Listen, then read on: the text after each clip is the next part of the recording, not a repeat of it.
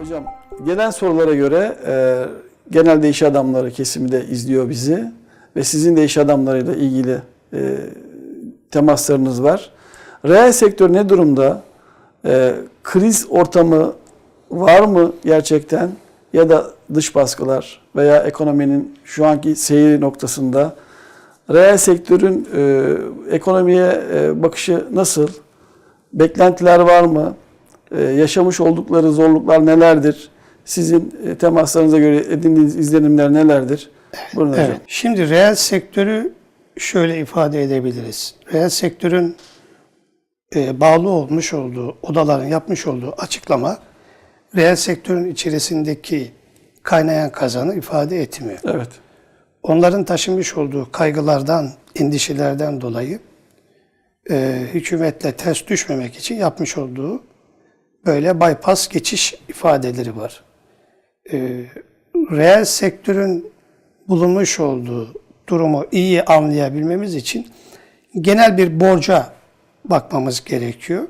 2019 yılın borç servisine baktığımızda Hazine ve Maliye Bakanlığı'nın gelecek yıl 118.1 milyar eee, olmak kaydıyla 106.7 milyar faiz olmak üzere 224 milyar borç servisi var. Evet. Bunun 164.6 milyarı iç borç, 60.2 milyarı ise dış borç. Dış borç. Yani bu kısa vadeyle ilintili. Ez- özel sektörün eee, kısa vadeli Ocak ayı sonu pardon eee, Ocak ayı sonu kısa vadeli borç stoku %1.5 artıyor. Bu da 118 milyar oluyor az önceki verdiğimiz rakam. Özel sektörün kısa vadedeki borcu 87.6 milyar dolar kısa vadede ödenmesi gereken olan borç. Kamu sektörün borcu 24.4 milyar dolar. Bir yıl ve bir yıldan daha az kalmış olan kısa vadede dış borç stoku 177.3 milyar dolar. Kamunun oranı %19, Merkez Bankası %3.3, özel sektörün ise %77.7 demek. Şimdi bu ne demektir? özel sektörü ilgilendiren bu borç, bunun içerisinde tabii bankalar da var. Evet. Bankaların e, özel sektörün vermiş olduğu krediler de var. Bunlar adeta bir domino etkisiyle birbirini etkileyen unsur. Şimdi bunun ödenmesi gerekir. Gelirleriniz ve giderlerinizin arasında zaten ciddi bir makas var. Evet.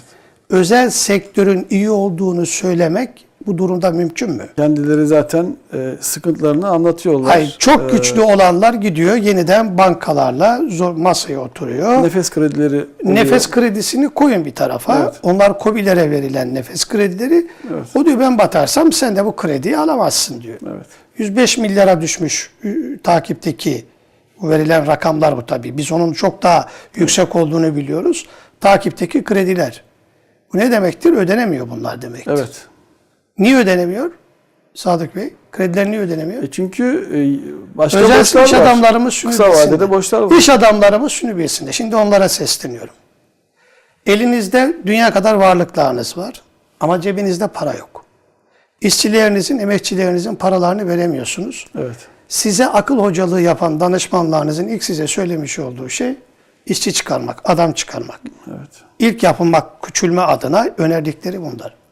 Oysa siz kendi sisteminizi, iş adam çünkü ülkeyi yürüten, ülkeyi ayakta tutan sizsiniz. Çalışan sizsiniz, üreten sizsiniz. Yum, altın yumurtayı yumurtlayan sizsiniz. Dolayısıyla bu gücünüzün farkına varmanız lazım. Siz bankaların karşısında esir köle haline geldiniz. Mevcut sistem, para kredi faize dayalı sistem sizi bitiriyor ve bitirecek. Yani hükümetten bir çözüm ummayın. Sizin gerçek önünüzdeki en büyük engel ve sizi sömüren düzen banka sistemi ve düzenidir. Ha ne yapacaksınız? Ne yapacaksınız? Bir başka sorunun konusu olabilir belki. Bizim önerdiğimiz modeli siz sahipleneceksiniz. malınızı kurtarmak istiyorsanız, iş yerinizi kurtarmak istiyorsanız bizim yeni önerdiğimiz faizsiz finans sistem modelini Evet. sahipleneceksiniz ve destek vereceksiniz.